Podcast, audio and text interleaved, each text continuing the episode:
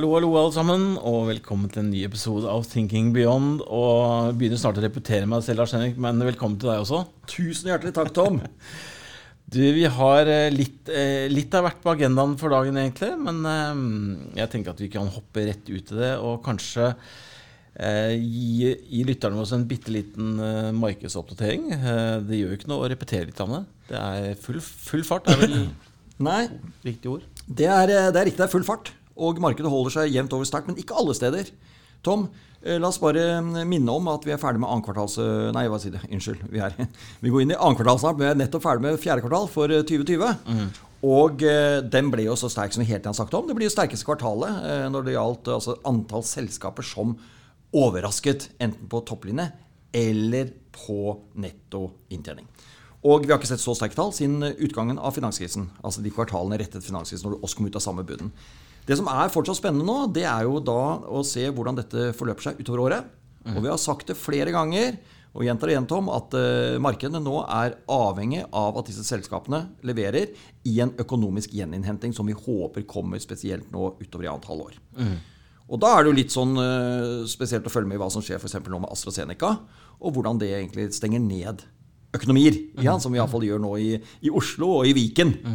Og eh, den beslutningen om å stenge Viken tar jo lukker ned alle skistedene som er involvert i gamle Buskerud. Og da er jo Hemsedal og Geilo og, og Nesbyen og Norefjell alt det greiene her. Så der blir det ikke mye servering i påsken. Så det er bare trist, hele greiene. Det hadde man ikke trodd for et år siden når påsken røk, at vi skulle også stå et år senere.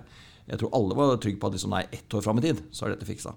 Så det sier litt hvor langdrygt dette har vært. Og jeg tør faktisk ikke å si nå heller hvor, eh, hva, hva, hva skjer de neste månedene her. Og hvor står vi med et halvt år? Det er spennende. Men eh, økonomien er, må snart ha en gjeninnhenting nå, og det er børsene avhengig av. Men fortsatt så holdes nede av, disse, av den, si, det stimulerende lave rentenivået fra sentralbankene. Selv om markedsrenten har begynt å gå opp, spesielt den lange. Og det har vi snakket om før. Det er fordi at man venter at en økonomisk gjeninnhenting skal medføre en viss form for økonom, altså økonomisk vekst og inflasjon. Og Derfor stikker disse, altså priser man opp disse litt lange rentene. Hvor tiåringene i USA er jo gått opp fra Det er ikke lenge siden den passerte 1% og nå er den oppe på rundt 1,6-1,7% Der hvor 30-åringen lå for bare kort tid siden. Så ting skjer, eh, men ingen frykt. Eh, ting alt i alt. Eh, det er et begrep som heter TINA. Det er liksom There is eh, no alternatives. Det er ikke mange alternativer til aksjemarkedet nå. Og de, mange selskaper går jo veldig, veldig bra. Og, eh, og så har vi sikkert noen, noen grønne bobler litt her og der. Eh, men alt i alt så er aksjemarkedet et relativt trygt sted å være. Vi kan mer stille spørsmålstegn hva, hvor, hvorfor, hva med rentemarkedet. Altså Hvordan er det å være i det? ikke sant? Når du tenker Hvis, hvis eneste vei opp nå etter hvert er opp for renta, så vet man jo at obligasjoner og sånn skal ned.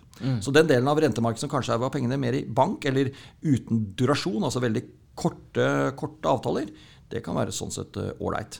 Men eh, har du veldig veldig lang durasjon, har ikke det, vi det i våre anbefalinger og løsninger. Men de som sitter på veldig veldig lange si, løpetider i sine obligasjonsrenteavtaler, så vil de rammes hvis renta plutselig begynner å fortsette å gå kraftig kraftig opp. Så det er spennende. Det er litt morsomt eh, det ordet du også har nevnt, eh, dette med skjæringspunktet og dette med renta som egentlig kanskje en slags temperaturmåler. Ja. At, med tanke på at såpass mye egentlig dårlig nyhet vi har rundt eh, korona og vaksine, det, det har liksom ikke gitt seg. Så Så er jeg positivt overrasket over at markedet holder seg så bra. og Jeg tror nok det å følge med på den lange renta blir en fin temperaturmåler på, på hvordan optimismen er for fremtidstroen. Det gjør det. Nå er det ikke sånn helt takeoff i markedet, men jeg vil si at nå når vi står her nå i rundt midten av mars, så er jo verdensindeksen da, i norske kroner er jo opp en rundt en, ja, mellom 3,5 og 4 hittil. Mm. Det betyr at vi har, vi har en marsjfart nå for året på over 15% ikke sant? For året. Det er jo et formidabelt. Det er jo, det er jo nesten tre ganger så mye som du skal ha. Mm. Hva vi forventer av markedet nå. Hvis du henter et rentenivå er ca. 0 eller 1% og så legger vi på risikopremie historisk på 4, så er det kanskje forventet verdi i aksjemarkedet på 5 mm. Så vi, etter et fantastisk 2019 først, hvor vi nesten var opp 30 globale aksjer, og så ble det jo veldig bra i 2020 òg? Hvordan husker jeg tallet? Var det ikke rundt en, var det ikke rundt en 13% eller 13-14 Jo. Og så, så, så trekker vi nå igjen på 15% Så det er jo det er jo bare 2018 som var et lite minusår med noen få prosent. Og så var jo 16 og 17 var jo også bra. Så det, liksom, det, det går utrolig bra i aksjemarkedet. Og de som har missa ut på den ikke sant? og ikke hatt allokering nok der, de har tapt mye på det. Så eh, nei, det bygger seg opp eh, mye forventninger her, men det er som vi sa i stad, det er ikke så mange alternativer. altså. Nei. Verden renner over av likviditet, og det kommer enda mer likviditet ut med disse pengepolitiske ikke pengepolitiske, men finanspolitiske stimuliene. Nå har det nettopp besluttet i USA at hver eneste inn- innbygger skal få en sjekk. Vær så god og bruk 1400 dollar. Jeg må minne om Det er liksom, det er det, en 11 12 nei, 12 000 kroner ja, til alle. Vær så god, bruk. Og det er klart, uh, Dette er den største eksperiment på stimuli i en økonomi uh, i det stadiet vi er nå, hvor vi er på vei ut av krisen litt. Uh, og som må fordele ut gavesjekker til alle. Så dette blir utrolig spennende å følge med i. Altså. Det bringer meg egentlig naturlig over på et tema som vi avsluttet forrige episode med, Lars Henrik, dette med pengetrykking og bitcoins. Eh, og Det var et lite poeng som jeg glemte å ta med sist gang, som jeg syns vi skal snakke bitte litt om. Det er jo sammenhengen med dette med valuta og inflasjon og bitcoins. For det som er litt spennende med bitcoins, er at det er jo en Det finnes jo 21 millioner bitcoins. Ja. Eller skal, det fins ikke. Men det er det det maks kommer til å bli. Ja. Og det henger jo litt sammen med troen på, på gull og bitcoins etc. Det henger jo litt opp med dette med pengetrykking, inflasjon og verdien på dollaren f.eks. Ja, absolutt. Og jeg sa jo sist gang at jeg syns vi må ta dette med krypto på alvor. Mm. Jeg synes det er altfor mange som, som Du merker rundt omkring i Nå skal jeg ikke si middagsselskaper, det er ikke så mye av det nå, men når du snakker med folk, så er det at, eh, at de, de, liksom, de fnyser av det. Og sier 'ja, men hva er dette for noe? Det har ikke noe verdi'. Hvor jeg, hvor jeg, da kontrer litt, som jeg sa i siste prat, det var jo dette Ja, men har en, har en tusenlapp noe verdi på en papir? Den har ingen verdi. Så lenge den dagen eventuelt tilliten til sentralbank som har utstedt denne lappen på 1000 kroner, når tilliten er borte, eller de ikke kan hva skal vi si, levere på den verdien. Enten ved at de har printet altfor mye penger, så inflasjonen har bare tatt helt av. Som skjedde bare i Tyskland under, under krigen igjen. Hvor brød etter hvert begynte å koste flere milliarder D-mark. Mm. Fordi det var en sånn, og Vi har sett det nede i Zimbabwe, eller hvor det var, og vi har sett det flere det i Venezuela. Mm. alt mulig sånne ting. Så dagens pengesystem En mynt er jo ikke en mynt. En, en, en tikroning har ikke noe verdi. Det er jo noe dårlig kobber i den. og sånne ting. Det er ikke noe gull og sånne ting rundt denne greien her. Så derfor sier jeg det, det, det, det, det penge, det monetære systemet vi lever i i dag, det, det, bare verdien av det ligger hos sentralbanken. Og da stiller vi spørsmålstegn når sentralbanken tillater at eh, landene eh, blir mer og mer forgjeldet. Sentralbanken selv utsteder flere og flere penger for å holde liv. Ikke sant? Det blir liksom, de skyver litt Er det et sånn, litt sånn Ponzi-game her? Ikke sant? At de skyver litt av problemene foran seg. Mm. Og noen sitter igjen med svarteper til slutt. Mens noen på toppen bare blir rikere og rikere På grunn av det er sånn. Blant annet de som eide eh, veldig disse vekstaksjene i fjor, ikke sant? Hvor, som, som gikk i taket pga. at rentene var veldig lav. Og da vil man gjerne kjøpe seg inn i noen som har penger, som er stories med penge, pengestrømmer langt langt fram i tid. ikke sant? Så hele poenget mitt er bare vær nysgjerrig på på krypto. altså med, La oss snakke om bitcoin, som er en av som den største. Eh, Liksom det, er jo, det er jo utstedt øh, kryptovaluta for flere hundre milliarder dollar. Så det er jo svære greier. Ikke sant? Mye mer enn man har utstedt eller hvert år for øh, diamanter. Så, så dette er svære greier. Og bitcoin er den største, den vi snakker ofte om. Det er bare én av dem, men det er den største. Og der, som du sa, der er det utstedt til nå ca. 18 millioner av totalt 21 det skal bli. Men det fascinerende med dette om, nå vet jeg snakker mye, men det er så utrolig viktig å forstå hvorfor jeg mener det er en verdi i bitcoin. Det er fordi dette du bruker mye strøm, det tar mye tid og mye datakraft på å dra fram en, sånn, et ledd i en blokkjede. og Til slutt har du hele blokkjeden, og så vil nett, nettverket godta den, og da utsteder en bitcoin.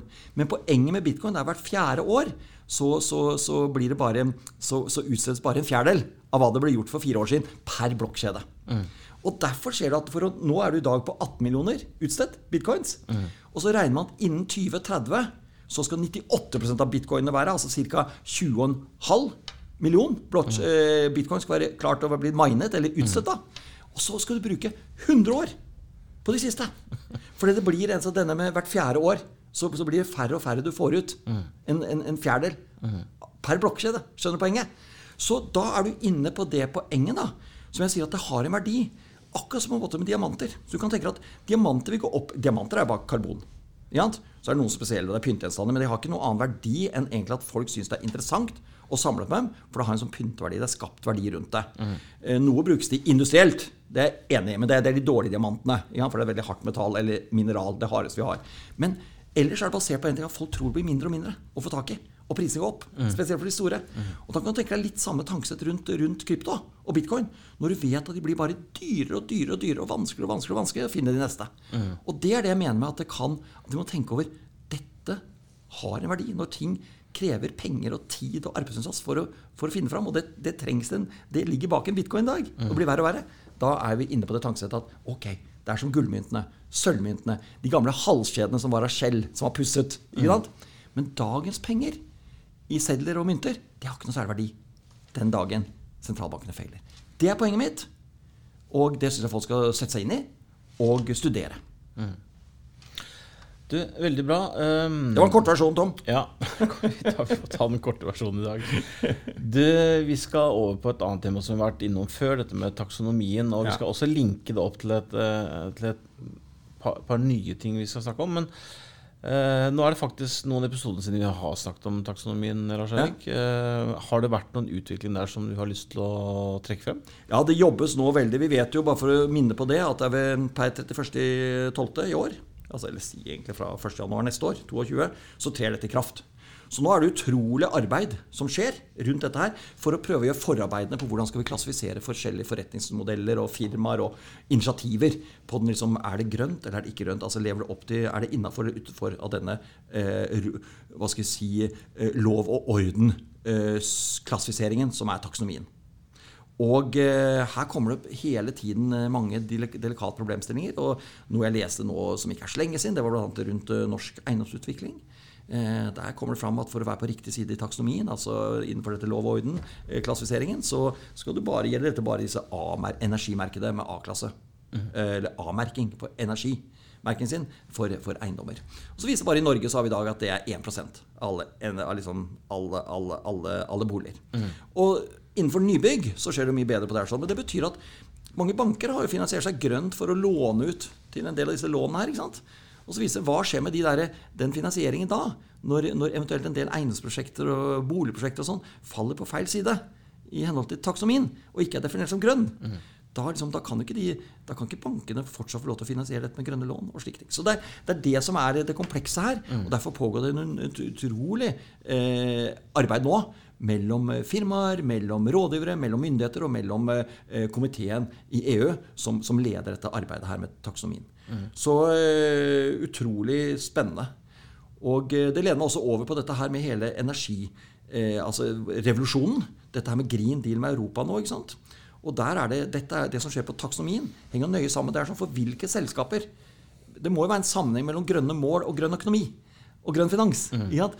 Og vi vet vi har en enorme målsetning på dette med å gå grønt. Altså dette med green deal i Europa fram mot 2050. Og når vi har de målsetningene, så må jo alle eller flere og flere må også være enige at da må det komme noen tiltak. Altså, Du når ikke noe mål uten noe tiltak. Og veldig mange virker å være enige om målet, at de skal ha denne green deal, men så er det tiltakene. og De er det ikke alle som liker, og de koster litt. Men da må man samles rundt at det må være lønnsomt å gjøre de tiltakene, og de må være, bli finansiert. Og myndighetene må skape hva skal forutsigbarhet rundt rammebetingelser.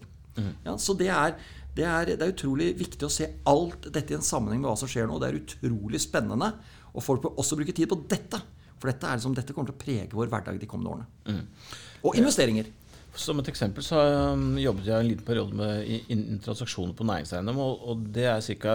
halvannet år siden. Og da, allerede da så var det, kom det mer og mer fram at uh, når man kjøpte bygg som var brukt, så kom den energi, energimerkingen mer og mer fram. fordi at det å eh, som, som leietager også. Leietageren blir mer og mer picky på kommuner etc. Når de skal leie nye bygg nå, så vil de ha Absolutt. bygg som har høy energimerking.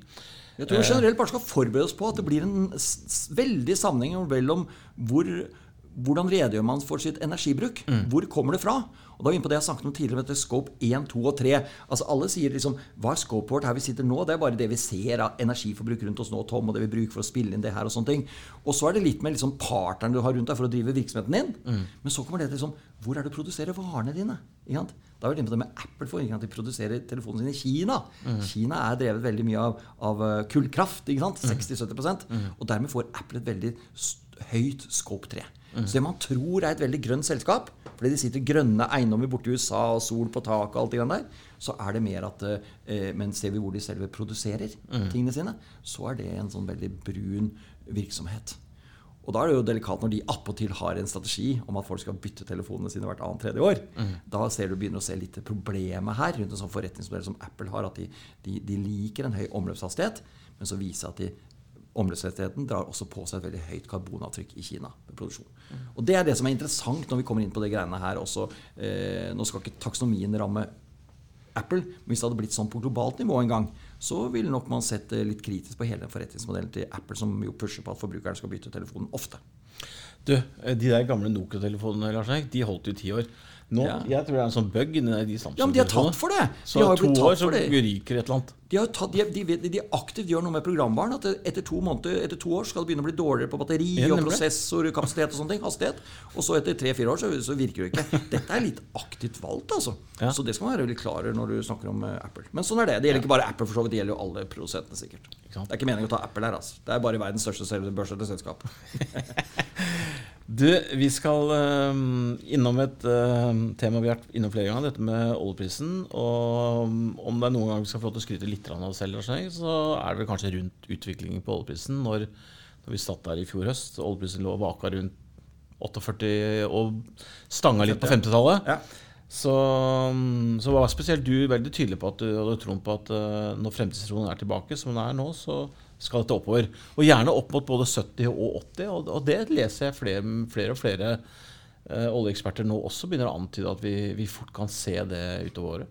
Ja, Det var tre ting som skjedde her, Tom. Eh, Det var at eh, altså, Økonomien og etterspørselen var pill råtten. Den, Mm. den, den stinka, hele greiene. Men vi så da på de lave prisene så vi at amerikansk skiferoljeproduksjon falt ut. Den var kraftig på vei ned. Mm. Vi så at eh, OPEC og OPEC pluss eh, tok noen initiativer som vi trodde på. Mm. Og så så vi for oss at vi litt lenger fram i tid skulle ha en økonomisk gjeninnhenting. Vi trodde den skulle komme litt tidlig når vi satt i fjor høst. Så trodde Mm. vi ikke skulle sitte nå i mars i 2021, og så var, vi, så var ikke verden enda bedre. Vi trodde kanskje allerede rundt jul Ja, at vi man skulle ha litt mer kontroll. Ja, men det var mange rundt vaksine. Kom jo altså annonsert i november og alt mulig. Så inn i første kvartal så tenkte vi at nå skal mye fikse seg, men så har alt blitt litt eh, forsinket. Og så har du fått masse muteringer, eller mutasjoner, og Mm. alt mulig, så alt er blitt litt verre, da. Men tilbake til med oljeprisen. Først og fremst så er det at eh, OPEC og OPEC pluss-samarbeidet, det har virkelig fungert. Virkelig fungert. Og så har produksjonen i USA falt ut. Det, som, det, skjer, det som skjer nå, da, Tom, det er litt andre veien. Så nå, nå får vi håpe at amerikanerne har lært litt, at de nå liksom la, la være å bore. da? Nå, nå vil vi ikke at de skal bore. Mer for det som skjer da når VTI-prisen er kommet opp på 63-64 dollar, så er det isolert sett veldig lønnsomt å sette i gang den neste brønnen, altså marginalbrønnen i USA, er lønnsom på skifer. Ikke sant? Og det er det som har ødelagt dette her litt tidligere, da, for dette kommer så utrolig fort på. Og ser vi fra EIA, det er liksom energy-byrået i USA, senest rapporten så sier at nå skal det øke med ca. 1,3-1,4 millioner fat om dagen nå ut året, og så ytterligere nesten det samme neste år. Og da er vi altså oppe i amerikansk oljeproduksjon totalt sett, med det som er på land og fra skifer og alt, på i overkant av 20 millioner eh, fat. Eh, igjen, når vi står ved utgangen av 22, akkurat det samme sted som vi var ved årsskiftet 2019-2020. ikke sant? Rett før dette med koronaen kom. Og der var vi på rekordhøye nivåer. ikke sant? Så alt liksom, det er liksom Når prisen blir for høy, så er USA liksom, så, så får vi over de neste ett til to årene så ser alt ut til vi får en kraftig vekst igjen, og så skaper det et tak på en måte. Og kanskje et krasj. Men iallfall fram til det så tyder alt på at nå er vi på nesten 70 i, i brent. Og 364 i det andre, så, så, så Men ting ser bra ut. Og det er ingenting som tyder på at dette skal falle tilbake nå, Tom. Så det syns jeg er verdt å ta med seg. Eh, oljebransjen er litt som shippingbransjen, Lars Det lærer aldri. Nei, man gjør ikke det. og Det er noe med hele med menneskeheten òg. Altså man, man, man lærer ikke av andres feil. Og jeg begynner å lure på om man lærer av egne feil òg. Altså. Det, er- det er veldig rart. Altså, man tror menneskedyr er intelligent, men man kan tvile noen ganger. Altså. Ja, ikke sant? Og da får jeg se, da har jeg lyst til å nevne det i den forbindelse. Altså, intelligent ikke, Jeg skal ikke dømme noen ord om det, det er ganske fascinerende. Men jeg leser jo nå helt på senest at nå skal starte flyselskap igjen. De som sto bak innleie til, til eh, Norwegian. Jeg har lyst til å ta det til sist. Altså. Ja, det er Kjos og Skise. De har allerede investert. og Blar opp penger. Og så er det han eh, Bjørn Erik Larsen, altså OSM, som, eh, og Espen Høiby, de som leide ut personell. Eller piloter og, og hva heter det, stewarder og stewardesser. Eh, eller kabinpersonell, heter det vel i dag. Eh, til, til Norwegian særlig. Men også til Finnair og sånne ting. Men nå ser de at nå, nå har jo egentlig Norwegian eh, gitt opp mange av disse De har gitt opp langdistansen sin. Så leasingselskapene som eh, har fått tilbakelørt disse her Dreamlinerne, Dreamliner 8, eh, 787, eh, 9 og 787-8, det er to forskjellige versjoner. Og nå starter de altså opp et flyskap, disse her gamle Norwegian-folkene, og, og besetningsskafferne. Dette som heter Norse Atlantic Airways. Og det er jo fascinerende, fordi de tar egentlig bare de flyene til Norwegian og gjør ikke noe med konfigurasjonen på seter innvendig. Eh, Så de gjør det på en veldig økonomisk bra måte. De maler om flyene. Jeg vet ikke hvordan logoen skal se ut, men det er, det er også starter opp med bare disse store melkerutene. Med, med Oslo vet nordmenn flyr mye borti, mm. Og så er det London og Paris, tror jeg. Og skal fly til noen amerikanske byer. LA og Miami. LA, sånn. Miami og New York sikkert. Og gjør det billig. Og gjør det billig. Så dette her er jo fascinerende. Og eh, det er, eh, jeg syns det er herlig med sånne initiativer. Men eh, sier litt om tiden, kanskje, at eh, fremtidstroen er der. Og nå kommer flyskapene. Bare i Norge har vi jo fem flyselskaper nå og skal konkurrere til høsten. Det blir utrolig deilig å være passasjer og ikke eier, tror jeg. Du, eh, jeg ville jo trodd at kanskje han eh, Bjørn Kjos begynte å bli litt sliten av, av de flyselskapene. Han har fått ny vår. Det er veldig bra. Nei, men du, da, kjære lyttere, må vi sette en strek for i dag. Men da høres vi igjen neste uke. Det gjør vi, Tom. Gleder meg. Ha det. Hei.